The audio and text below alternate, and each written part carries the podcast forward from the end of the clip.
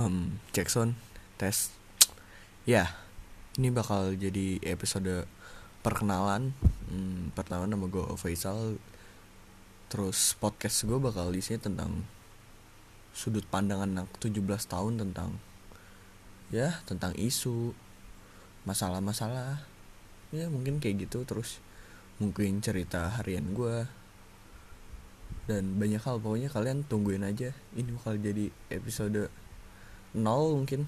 Karena next bakal ada episode yang beneran pertama. Ini buat perkenalan doang.